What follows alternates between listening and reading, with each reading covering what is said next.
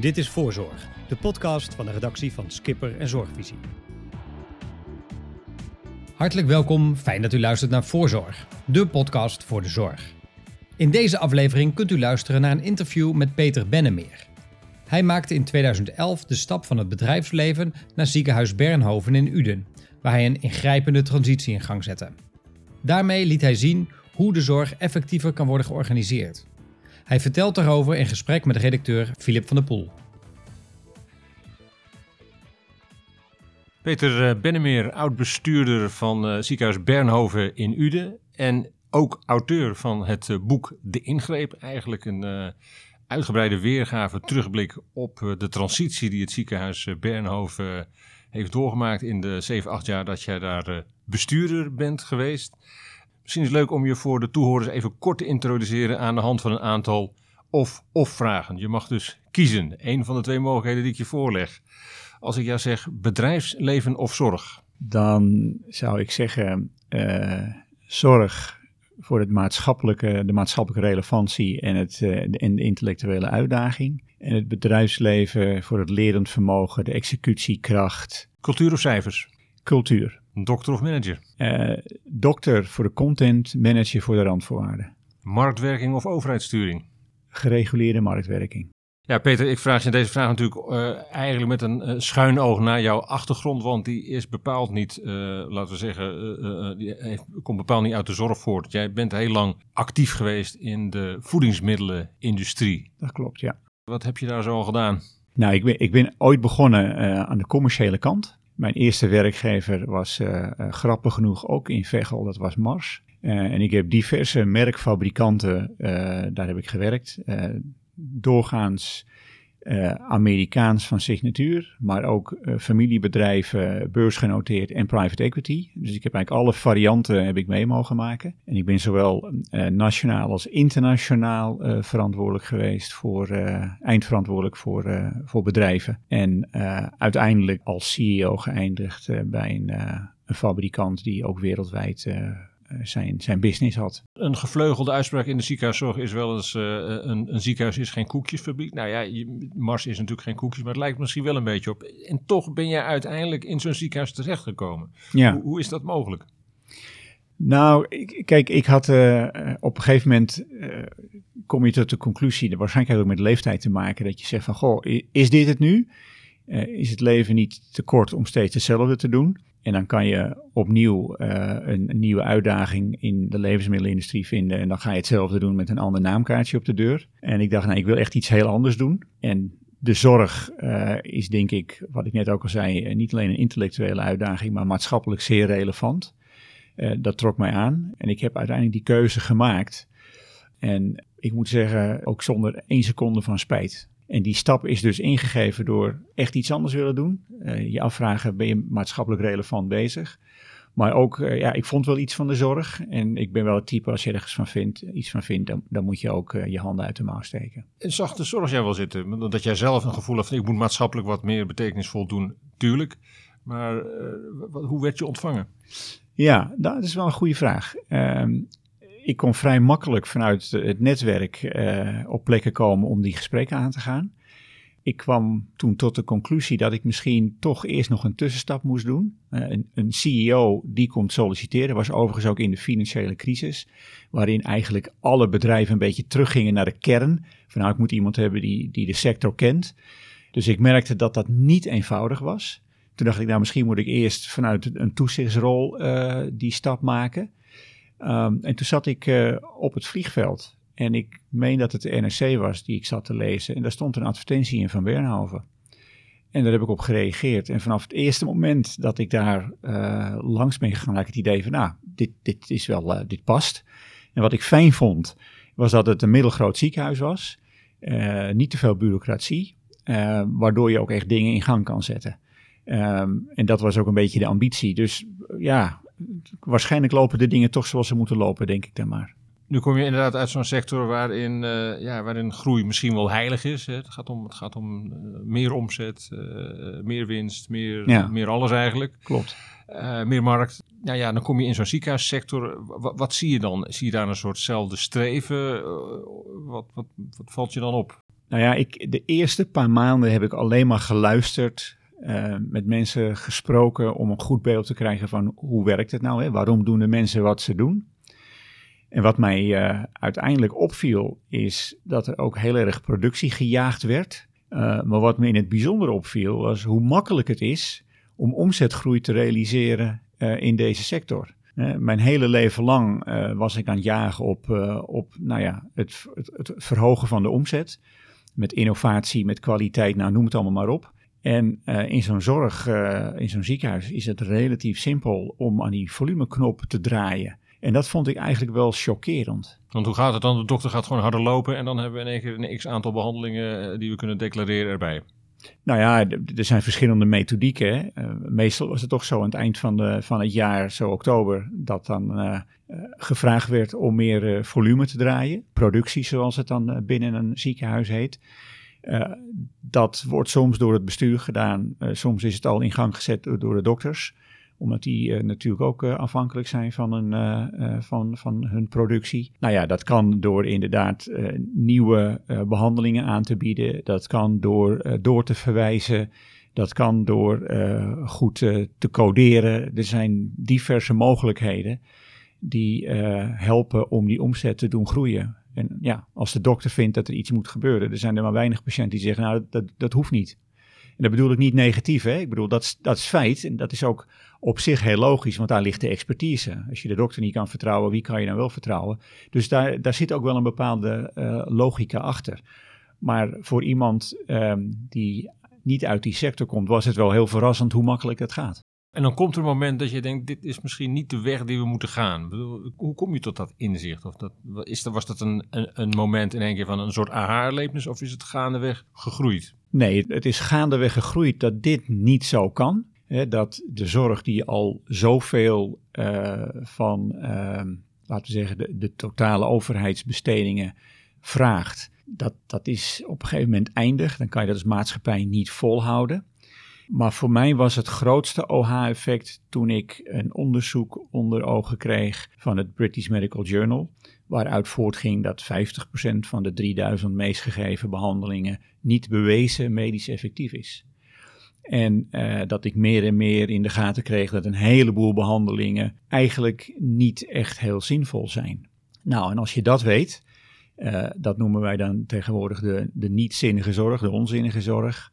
Ja, dan denk je, ja, als we daar nou eens mee gaan stoppen, dan doen we goed voor de patiënt, dan doen we goed voor de uitgaven. Uh, en dan zijn we ook in staat om dit op lange termijn vol te houden. Less is more in dit geval. Ja. Maar dat betekent ook dat een ziekenhuis ja, inkomsten inlevert. En dat kan natuurlijk op termijn de, de positie van een ziekenhuis ondergraven. Ja, nou kijk, de, de, constatering dat de lucht in het systeem zit is op zich, uh, denk ik, een mooie constatering, want het geeft mogelijkheden. Maar als je die omzet niet haalt en je kan niks met je kosten doen, dan gaat het natuurlijk ten koste van je, uh, van je, je winstgevendheid. Um, maar het is ook vaak zo dat ziekenhuisbestuurders zeggen van ja, ik krijg niet vergoed wat ik aan omzet heb gedraaid. Nou, als dat zo is, en je stopt met de onzinnige zorg, dan kan je dus nog gewoon de zorg leveren die de patiënt nodig heeft. En dan krijg je betaald wat je betaald krijgt. En wat je niet betaald krijgt is eigenlijk je eerste besparing, want die kosten heb je wel. Als je uh, die behandelingen wel moet doen, los van het feit of ze wel of niet zinvol zijn voor de patiënt, als je ze niet doet, dan is dat een directe besparing in je variabele kosten. Dus, dus eigenlijk is het ook een hulpmiddel. Um, maar deze sector, die is gebaat bij groei. Uh, omdat het de makkelijkste manier is voor een bestuurder om die complexiteit die je in je organisatie hebt, uh, nou, te laten bestaan. En dat je geen ingewikkelde ingrepen hoeft te doen om uh, de kosten eruit te halen. Dus groei is een, allesom, ja, is, een, is een allesomvattende oplossing. Behalve het feit dat we het ons niet kunnen permitteren op termijn. Ja, want het lijkt me nogal een boodschap die je dan aan je dokters moet vertellen. Van ja, het lijkt er toch op dat wij een hoop zorg leveren die eigenlijk niet bewezen effectief is. Ja. Dan hoef je niet eens gelijk namen te noemen, maar dan weet je wel dat de hele hoop dokters zich achter de oren zullen krabben. Ja, nou, ik denk, denk ook eh, in die zin uh, vind ik dat onze dokters ook heel erg moedig zijn geweest om te erkennen, en de meesten weten dat ook wel, van ja, we doen niet altijd de meest zinnige dingen. Uh, maar soms zijn, moet je protocollen naleven en kan je afvragen of die protocollen goed zijn. Er zijn heel veel behandelingen waarvan we al lang weten, daar zouden we mee moeten stoppen. En dat, dat, wordt ook, dat is ook bekend. Maar die we uiteindelijk toch gewoon door blijven doen. Ja, dat zou je eigenlijk niet moeten willen. Hey, als ik eventjes ja, ga rekenen met een vork en naar de jaarcijfers kijken over de jaren heen. Ik geloof dat bij jouw binnenkomst 2010, 2011 had Bernhoven 150 miljoen jaaromzet en zo, nu zit dat zo rond de 200. Dus waar zit nou dat minder in? Nou kijk, bij zo'n ehm, verlies- en winstrekening van een ziekenhuis spelen een aantal variabelen een rol. Je hebt te maken met subsidies, je hebt te maken met andere inkomsten, in ons geval bijvoorbeeld het eerste lijn. Dus je krijgt een andere mix waardoor je een stuk doorgroeit. Maar het grootste verschil is in de eerste getallen die jij noemde, daar zitten de, uh, het honorarium van de artsen niet in. En op het moment dat onze artsen in loondienst zijn gegaan, dan zijn dat inkomsten die bij het ziekenhuis terechtkomen. En dan krijg je die sprong naar die 200 miljoen. Dus dat vertekent. Um, maar wat wij hebben gemeten is dus de omzet die, uh, de, dus laten we zeggen, de omzet die geboekt wordt via de DOTS. En daar zit, daar zit de grote besparing. Waarbij daar weer tegenover staat dat omdat wij vaste afspraken hadden met onze zorgverzekeraars, je een minimale uh, reductie ziet over de tijd, omdat we ieder jaar weliswaar minder kregen. Maar het grootste gedeelte was geborgd, zodat wij ook de financiële middelen hadden om die transitie te bekostigen. Ja, want die opstelling van de verzekeraars die heeft wel geleid tot narige commentaren uit het veld collega ziekenhuizen. Van ja, uh, Bernhoven een keer het paradepaardje van, uh, van de zorgverzekeraars. Dat moet slagen, dus die krijgen gunstige financiële voorwaarden om te krimpen. Nou ja, kijk, dit was niet een idee van de zorgverzekeraars. Dit is iets wat uh, uh, wij hebben geïnitieerd. Ik weet nog dat ik op een vrijdagochtend naar eh, CZ reed om met Joep deze ideeën te bespreken. Dat is Joep de Groot, hè? De... Joep de Groot, ja. En het is, ehm, ja, kijk, ik ben daar vrij simpel in, hè. Als je goede ideeën hebt en je kunt partners daarvoor vinden, dan kunnen anderen niet zeggen dat je iets niet goed hebt gedaan. dan daag ik de anderen uit om uh, met uh, betere ideeën te komen en te zorgen dat je dit soort afspraken maakt. Kijk, het feit, wij waren het eerste ziekenhuis die meerjaren afspraken maakte met uh, de zorgverzekeraars, in dit geval vijf jaar. Daarna zijn heel veel ziekenhuizen in de gelegenheid gekomen om ook meerjaren afspraken te maken. Waarom?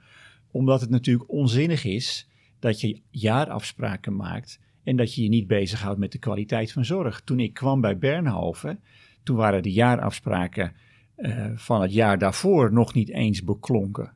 Nou, dat is in mijn oude wereld ondenkbaar. Dat je afspraken maakt uh, voor een periode waar je eigenlijk al een jaar hebt gewerkt en waar, waar je niet weet wat de afspraken zijn. Dat kan niet waar zijn. Laat het eigenlijk ook niet zien dat dat gedachte onderhandelingsspel tussen zorgverzekeraars en ziekenhuizen, toch een van de pijlers van uh, de marktwerking in de zorg, dat dat eigenlijk heel steriel was. Nou ja, kijk, die, die, er is geen marktwerking in de zorg. Dat is een illusie. Uh, er zijn wat meer vrijheden, maar marktwerking is echt iets anders dan hoe wij marktwerking in de zorg definiëren. En als je kijkt naar de manier waarop de zorgverzekeraar met uh, de ziekenhuizen onderhandelt, er is gelukkig nu wat meer, maar er is relatief weinig transparantie in wat uh, dat allemaal kost. Dus uiteindelijk zijn het nog steeds totaaldeals die je met elkaar afsluit. Dus het is betrekkelijk uh, wat, uh, wat marktwerking is. Maar het klopt, zorgverzekeraar kan uh, wel zeggen, nou ik doe bij dit ziekenhuis wat meer en bij dit ziekenhuis wat minder. En ik denk dat het heel goed is, want iemand moet een beetje op de centjes letten. Je vond bij de zorgverzekeraars een gewillig oor met, met jouw verhaal. En dat is natuurlijk lijkt me geweldige steun in de rug. Hè? Dat, dat, dat, je, dat je zaken met ze kunt doen, dat je het idee hebt dat je serieus nou wordt, dat er meegedacht wordt, meegeluisterd wordt. Maar goed, dan moet je nog uh, draagvlak in het ziekenhuis verwerven. Of misschien moet je dat al eerder doen. Uh, hoe, hoe, hoe, gaat dat? Want je raakt toch aan belangen van allerlei uh, partijen. artsen, het ziekenhuis als geheel. Wat, wat, wat gebeurt er dan? Nou ja, kijk, ik, ik denk wat heel belangrijk is, is dat je een inspirerende visie hebt. Waar mensen bed vooruit willen komen.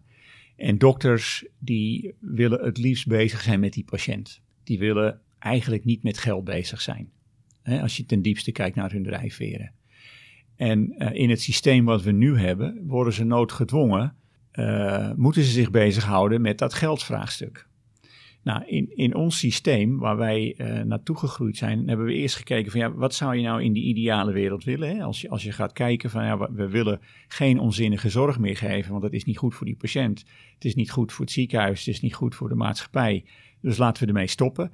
Ja, dan komt het vraagstuk naar voren. Oké, als we dat doen, dan heeft het natuurlijk consequenties voor de inkomstenkant. Niet alleen voor uh, de, de uh, medisch specialisten, maar ook voor het ziekenhuis, daarmee voor iedereen die daar werkt. Dus daar moet je een oplossing voor vinden.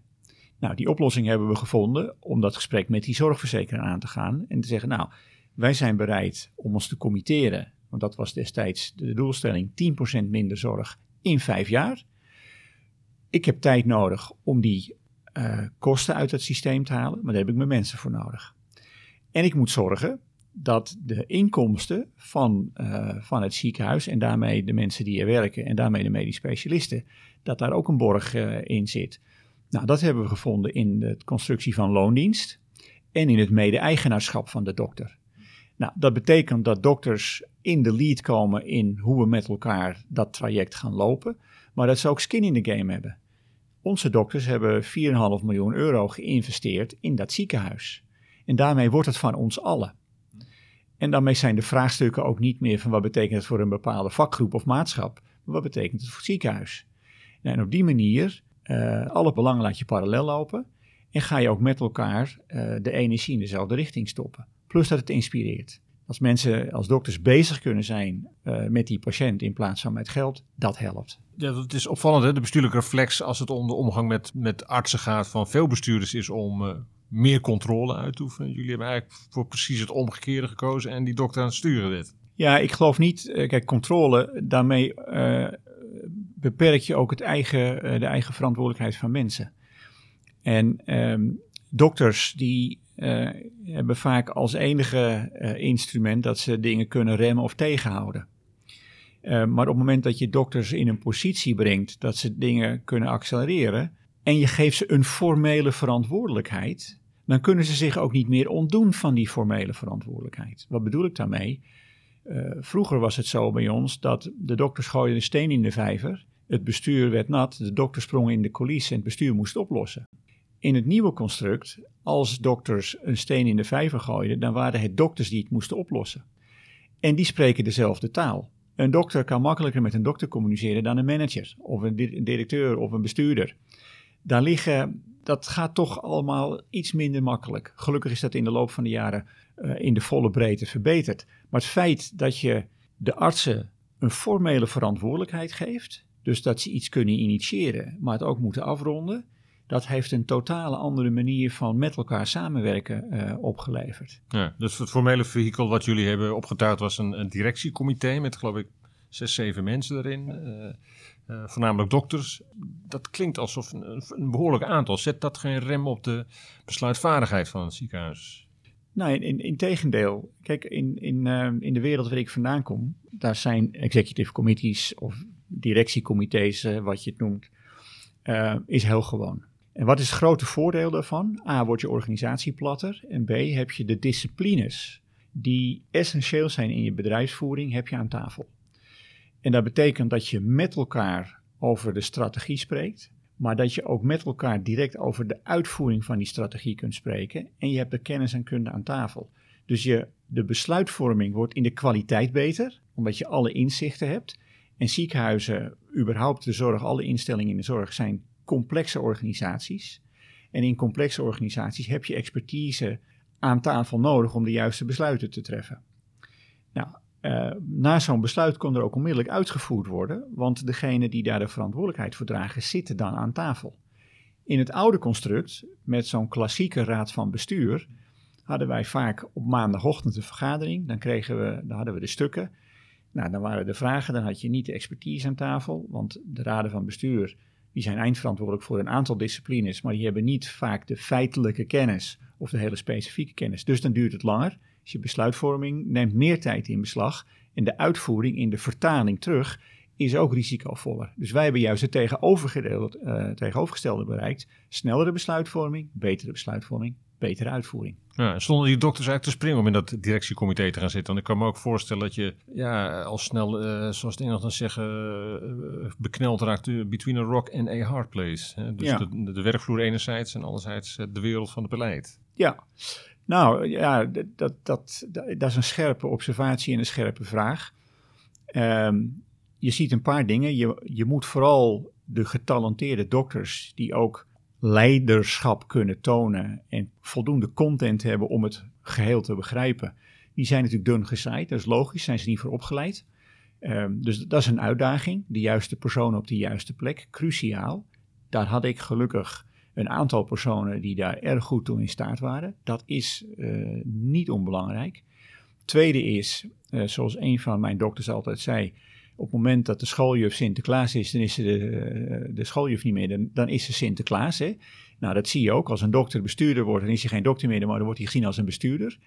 Alleen het feit dat dokters wel dezelfde taal spreken en weten hoe het werkt, en ook de formele verantwoordelijkheid hebben, kunnen ze dat aan. Maar dat vraagt veel begeleiding, ook van mijn kant uit. Veel gesprekken voeren, coaching. eh, maar uiteindelijk is de peer-to-peer eh, ver- verhouding, dus dat dokters dokters gaan corrigeren, helpt heel erg.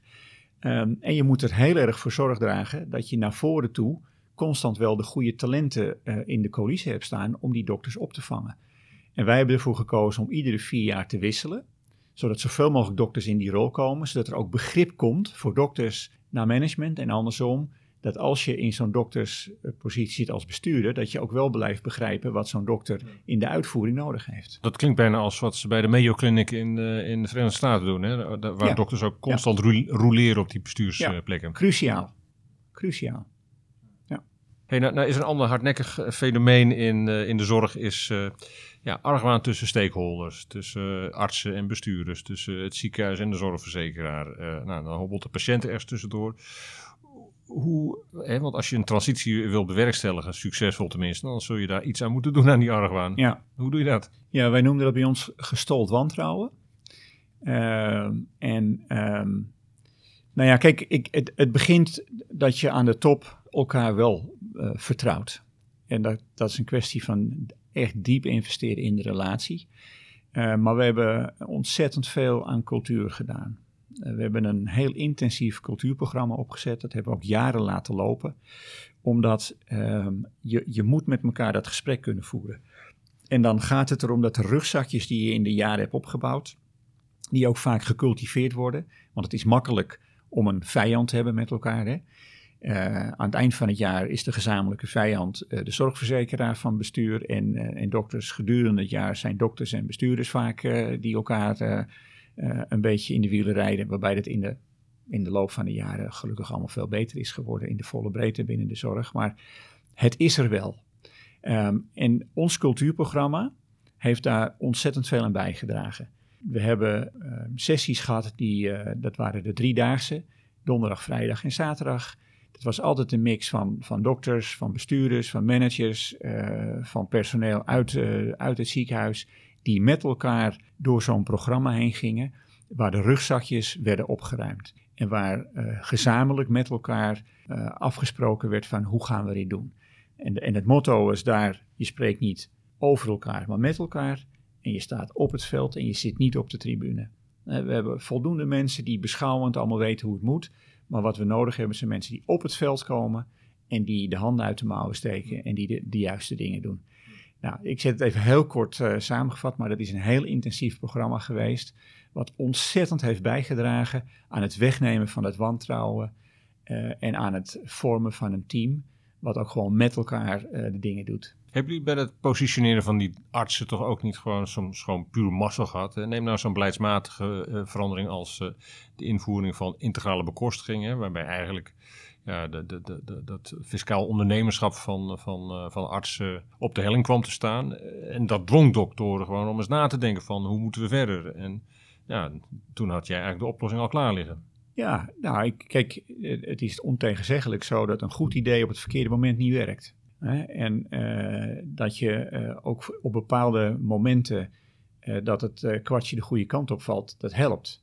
En in die, in die periode van integrale bekostiging waren er drie modellen. je, je ging in loondienst, je ging volledig in het participatiemodel.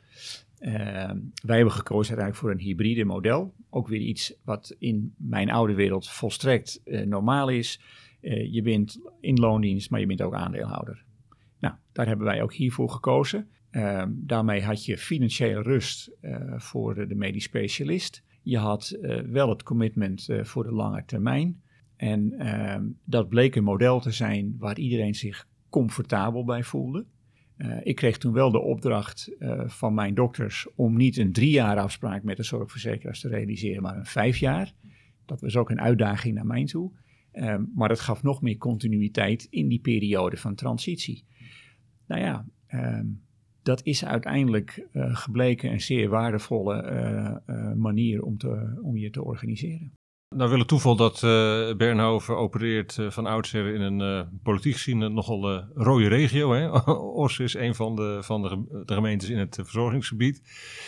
loop je dan niet het gevaar dat je met zo'n verhaal als dat van jullie heel makkelijk geframed wordt? Van dat is natuurlijk aandeelhouderschap, is natuurlijk in die politieke geleding een vloek in de kerk. Ja, nou dat klopt. Dat is dat is ook wel iets waar wij ons als uh, leiderschap heel bewust van waren. Hè?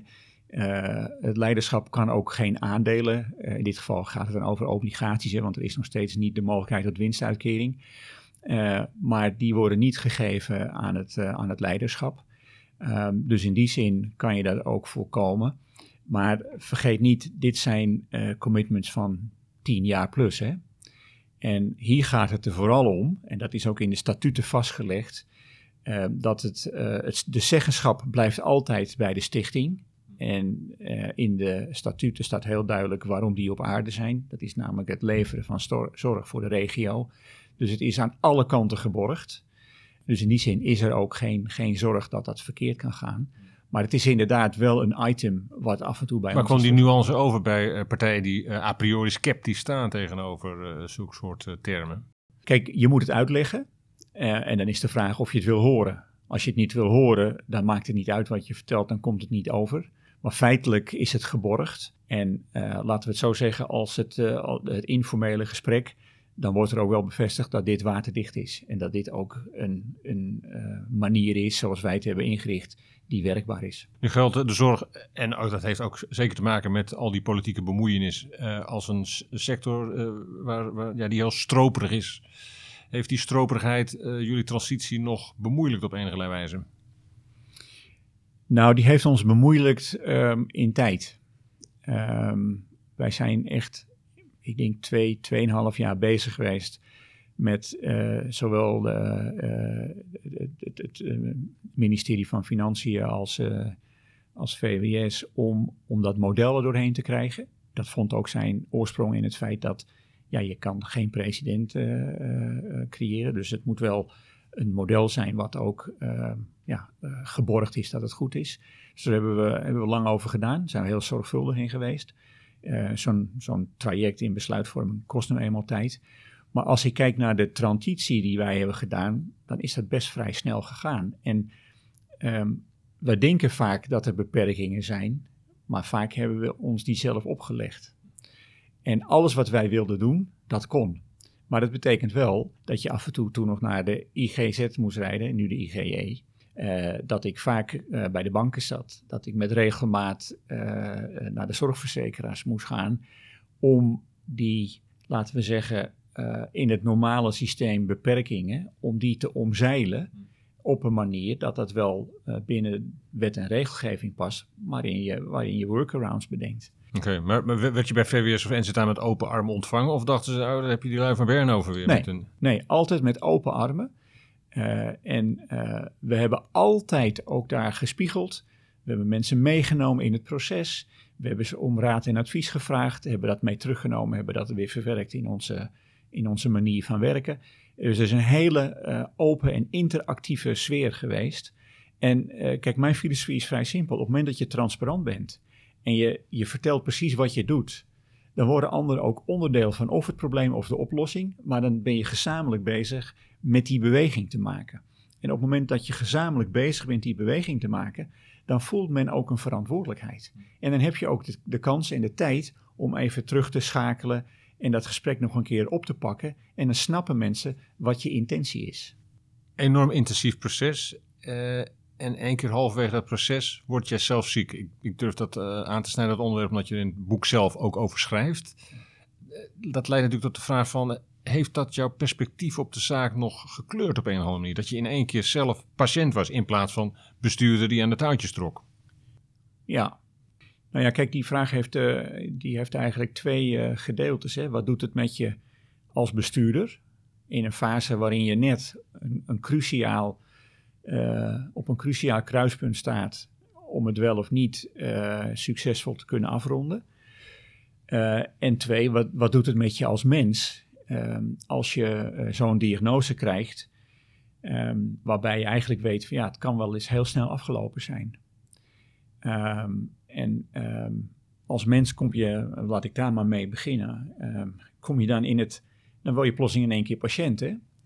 En dan, dan kom je heel snel tot de conclusie dat je, in mijn geval althans, gezien de ernst van de situatie, de, de regie totaal kwijt bent. En is dat het systeem ook? Wordt je patiënt gemaakt? Nou ja, ik denk, ik denk tot op zekere hoogte ja. Uh, in ieder geval voor mij geldt het. Ik ben gewend om toch enigszins uh, regie over mijn, uh, mijn toekomst te hebben. En op het moment dat je dat totaal verliest, ehm, dan ben je inderdaad patiënt van het systeem geworden. En dan kom je eigenlijk tot de conclusie dat je in een, in een stroom komt waar je bijna niet meer uitkomt protocollen gaan in werking, uh, dingen moeten zoals ze ooit bedacht zijn. Um, en dat is niet meer individueel gericht. Uh, daar zit wel een individuele touch bij, maar datgene wat moet gebeuren, dat is processysteem bepaald. En daar heb je weinig tot geen invloed op. Althans, dat kost een ongelofelijke hoeveelheid en energie om daar invloed op te krijgen. En dan ben ik een persoon, van, ook vanuit mijn functie op dat moment, waardoor je nog enigszins invloed hebt. Uh, soms ook ten nadele, want omdat je de bestuurder bent, ja, worden bepaalde dingen misschien ook niet gedaan, die anders wel worden gedaan bij een gemiddelde patiënt. Heeft soms zijn voor- en zijn nadelen. Um, maar voor mij als persoon kwam ik er wel heel snel achter dat je als patiënt um, heel weinig nog uh, van invloed bent in wat er wel en niet gebeurt. Dat kost een behoorlijke inspanning. Um, dus dat heeft het perspectief van de patiënt voor mij wel um, nog, nog beter, nog duidelijker in beeld. Ja, want volgens mij had je al een soort idee van hè, dat samen beslissen, dat is ook een mooi middel om overbodige zorg ja. uh, uh, voor te zijn. Zeker. Maar door jouw ervaringen is dat ook, ben je dat ook gaan doorvoelen als het ware. Dat ja. Kijk, en dan heb je natuurlijk ook nog wel een gradatie. Hè? Als het uh, zo in mijn geval gaat over, heb je überhaupt nog kans tot overleving? Dat is een ander vraagstuk om dan samen te beslissen dan wanneer het gaat over uh, nou, een gebroken pols of een, uh, een, een, nou ja, iets wat relatief simpel van aard is, hè, wat, wat ook meer planbaar is. Dan heb je ook meer tijd om over dingen na te denken. En het feit dat je met een ziekte te maken krijgt die onvoorspelbaar is, maar waarbij statistisch gezien de kans van overleven minimaal is, ja, dan wordt alles uit handen geslagen. En dan is het al vaker zo dat je je overgeeft aan de persoon waarvan jij denkt, die weet hoe het moet. Nou, mijn conclusie is dat ook die mensen vaak niet weten hoe het moet. Die, ja, die hebben wel veel meer ervaring. Maar um, ik heb wel geleerd dat dokters um, van stap tot stap acteren. Terwijl in, in mijn beroepsleven ben je scenario denken aan het doen. En probeer je drie, vier verschillende scenario's te denken en alle what-ifs. En dat is in de medische wetenschap fundamenteel anders. Ja, hoe is het nou met je? Het gaat nu uh, goed. Uh, volgens mij uh, is technisch alles in orde. Dat betekent niet dat ik dezelfde energielevels had als die ik vroeger had. Sommige mensen zeggen, nou, ik weet niet waarover je het hebt. Nou, misschien komt het omdat ik vroeger wat meer, misschien te veel energie had, ik weet het niet. Maar ik merk wel aan mezelf uh, de beperkingen. Nou goed, dat heeft je in ieder geval niet van weerhouden om een uh, heel mooi lezenswaardig uh, boek te schrijven. De ingrepen, hè, nee. over jouw ervaringen bij, bij, bij Bernhoven. Klopt. Bedoel, hoe, hoe, was dat schrijven? Heeft je, heeft je dat nog tot nieuwe inzichten geleid? Um, nou, het, het, het, belangrijkste wat het bij mij toch weer naar boven bracht, is enerzijds van wow, wat hebben we met z'n allen iets bijzonders gedaan. En, en uh, wat het andere onmiddellijk, wat het bij mij naar boven bracht, is van hoe cruciaal het is dat je de juiste mensen op de juiste plek hebt. Als je dat niet hebt, dan wordt zo'n reis hartstikke moeilijk. Hoe, hoe, weet je dat, dat je de goede mensen op die... Ja, maar ja, dat is denk ik ook wel uh, de kunst van leiderschap. Uh -huh. Is niet alleen een verhaaltje kunnen vertellen welke richting uh, op gaan, maar het, het, eigenlijk is het aller, allerbelangrijkste de goede mensen op de goede plek te zetten. En uh, hoe je dat weet is uh, scherp krijgen wat er moet gebeuren. En, en veel tijd besteden aan de mensen om te kijken waar ligt hun kracht. En dan die goede randvoorwaarden creëren. Want dat is het enige wat je kan hè, als leiderschap, die randvoorwaarden creëren en de goede mensen op de plek zetten. En uh, ja, dat is ook een beetje een gevoel hebben. Uh, dat is waarom je mensen hebt die zich gespecialiseerd hebben in het, uh, het zoeken van de goede mensen op de goede plek. Ook overigens een cruciaal onderdeel voor, voor toezichthouders. De, de belangrijkste, het belangrijkste besluit wat een toezichthouder maakt, is het, het neerzetten van het boegbeeld van een organisatie. Die bepaalt waar die organisatie heen gaat. En dan kijk je, zijn het, heb je mensen meer nodig die wat meer risico durven nemen of wat minder risico? Is het de status quo die je moet uh, behouden? Moet je juist grote veranderingen? Dus de vraag is, wat moet er gebeuren, is een belangrijke vraag. Ja, als je kijkt naar het verhaal Bernhoven, heeft in zekere zin navolging gekregen. Een term zinnige zorg zie je op veel meer plekken uh, vorm krijgen. Uh, meerjarig contracten zijn ook een beetje gemeengoed geworden. Tezelfde tijd uh, een ziekenhuis waarbij de dokters zo in de lead zijn als bij jullie. Nou, ik ken ze eigenlijk amper. Um, hoe zie je dat zelf? Uh, zijn jullie nou een buitenbeentje gebleven of uh, hebben jullie toch echt school gemaakt met Bernhoven? Ja, het is bijna een gewetensvraag. Ik denk dat het een beetje van beide is. Een beetje een flauw antwoord hoor, maar um, wij hebben dingen fundamenteel anders gedaan. in wat we gedaan hebben, ook maar in de radicaalheid. Um, en ik denk dat dat ook te maken heeft met hoe moedig ben je als bestuurder en hoeveel ruimte neem je, schuine zeep krijg je en durf je met elkaar te pakken. Um, en de zorg is nu eenmaal een relatief behoudende sector. Uh, dat zijn geen risk-takers. Nee, maar zijn... wat bedoel je met moedig? Bedoel je dat je niet benauwd bent voor reputatieschade, dat je niet bang bent om te mislukken? Ja, wat, wat? ja al dat soort dingen. Ja. Kijk, je moet niet vergeten, uh, de zorg is meedogenloos als het niet goed gaat. En uh, uh, de zorg is niet een sector waarin ondernemerschap of, of moed in leiderschap ehm, wordt gestimuleerd en wordt beloond. als je andere dingen doet, dan zijn er heel veel mensen die daar wat van vinden. Uh, en je zou geholpen worden als bestuurder uh, en ook als dokters. Ik weet wel, toen wij begonnen, heel veel dokters van ons, die zijn natuurlijk door hun collega's best wel uh, stevig aangepakt. En als je tegen de stroom inzwemt, wat we toch een tijdje gedaan hebben, ja, dan, dan en het is logisch, hè, dat, is, dat is in meerdere sectoren, dan komt daar weerstand op. Terwijl je ook met elkaar kunt kijken van, hé, hey, wat kan je daarvan leren? Want we doen het niet omdat we het nu leuk vinden, we doen dat omdat we het noodzakelijk achten dat het op een andere manier georganiseerd moest worden. Wat beter was voor die patiënt, wat uh, ook maatschappelijk, uh, zeg maar, uh, op lange termijn ook houdbaar zou zijn. Dus er, zit, er zaten hele goede redenen achter.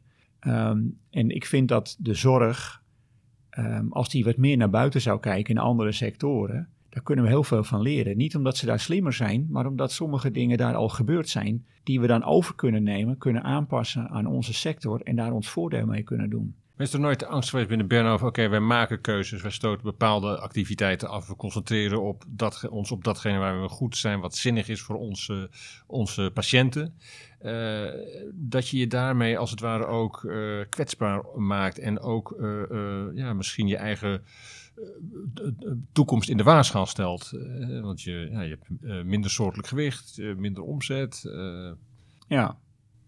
Ja, maar absolute omvang is niet altijd doorslaggevend. Hè? Je hebt een bepaalde omvang nodig om minimale schaal te kunnen hanteren. Nou, en ik kan je vertellen dat minimale schaal, als het gaat vooral, vooral om, wij spreken, acute zorg, daar zijn de meeste ziekenhuizen hebben die minimale schaal niet. Daar moet zo en zo uh, in bepaalde trajecten moet daar geconsolideerd worden. Willen we de kwaliteit van zorg en de continuïteit van zorg kunnen waarborgen. Dus het, het durven kiezen en daar het beste in worden is ideaal. Uh, Sint Maartenskliniek is daar een prachtig voorbeeld van. Die heeft gekozen, lang geleden, en die is uniek. En die is ontastbaar in datgene wat hij doet. Ja. Ehm, dus ik zie dat probleem helemaal niet. Nee. Maar toch, als het Bernhoven-model leunt sterk op de autonomie van het ziekenhuis, op het vermogen om zelf de koers uit te zetten. De beweging, politiek gezien, beleidsmatig gezien in Nederland, lijkt toch een andere te zijn. Hè? De roep om centrale sturing, die wordt steeds luider. Uh, misschien mede in reactie op de COVID-epidemie. Uh, is er in zo'n context nog ruimte voor dit soort experimenten? Ja, kijk, ik denk dat iedere organisatie um, die moet vanuit zijn eigen kracht acteren. Want anders heb je ook je, je, uh, je profiel niet scherp. Hè? Als je niet vanuit je eigen kracht kan acteren, dan heb je eigenlijk geen bestaansrecht. Dat als eerste. Tweede is, onze organisatie is juist heel erg op zoek gegaan naar die samenwerking. Er is geen uh, regio, misschien nog eentje, maar de regio eerste en tweede lijn in Bernhoven is uniek. Die samenwerking is vanaf dag één gemaakt. Zo is hij ook met het sociale domein hebben we daar uh, stappen gemaakt. Zo is het ook met die zorgverzekeraars. Zo is het ook met de paramedici. Uh, dus je kan in de regio moet je zorgen dat je dat netwerk, dat je dat cruciaal hebt. Want een patiënt die, die kiest niet tussen een eerste en een tweede lijn. Een patiënt die heeft een aandoening en dat moet opgelost worden. En de silo's die we hebben gecreëerd in de zorg, die beperken juist dat we die patiënt zonder problemen door die hele keten kunnen laten bewegen. Nou, en dat is wat wij als Bernhoven juist hebben gedaan. Dat betekent dat je regionaal heel sterk moet samenwerken. Maar het heeft weinig zin om 80 ziekenhuizen te hebben die allemaal hetzelfde profiel hebben. Want dan zijn allemaal dubbelingen en die moet je juist wegnemen. Sommige dingen die hoef je maar op drie, vier, vijf plekken te doen. Andere moet je misschien op alle plekken doen en heel dicht bij die patiënt. Maar daar moet de overheid veel hardere keuzes in maken. Dat, dat is de vorm van uh, consolidatie die moet ontstaan niet dat iedereen per se moet samenwerken. Nee, je moet intelligent samenwerken. En vooral regionaal moet je de boel goed regelen. Het klinkt nog steeds een beetje alsof je handen jeuken. Ja, dat doen ze ook. maar je, je bent nog niet voor de zorg verloren, geloof ik, hè? Nee, de passie is daar. De passie is daar. En op systeemniveau, hè, dus met name dit soort vraagstukken, ja, wil ik graag meedenken.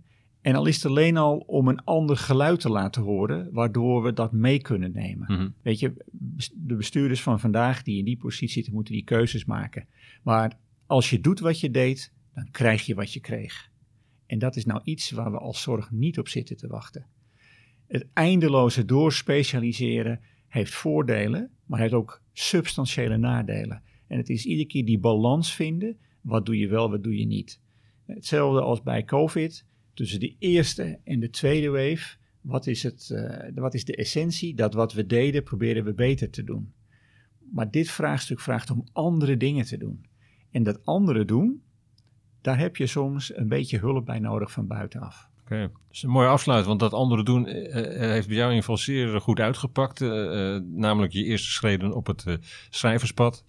Ja. nogmaals, de ingreep is een kloek boek, 300 pagina's, maar het leest als een trein. En ik denk dat ja, voor iedereen die ook met iets te maken heeft met de ziekenhuissector, dat met heel veel aandacht zal lezen. Dus mijn, mijn complimenten daarvoor. Dankjewel. Tot zover deze aflevering van Voorzorg. De montage was in handen van Jantine Albers. De muziek is gemaakt door Bram Brouwers. Het boek De Ingreep, hoe een buitenstaander het ziekenhuis beter maakte, verschijnt binnenkort. Als u zich abonneert op deze podcast, krijgt u automatisch melding van nieuwe afleveringen van Voorzorg. Abonneren kunt u zich ook op de dagelijkse nieuwsbrieven van Skipper en Zorgvisie om op de hoogte te blijven van het laatste nieuws en achtergronden over de zorg. Voor nu, hartelijk dank voor het luisteren en heel graag tot de volgende Voorzorg.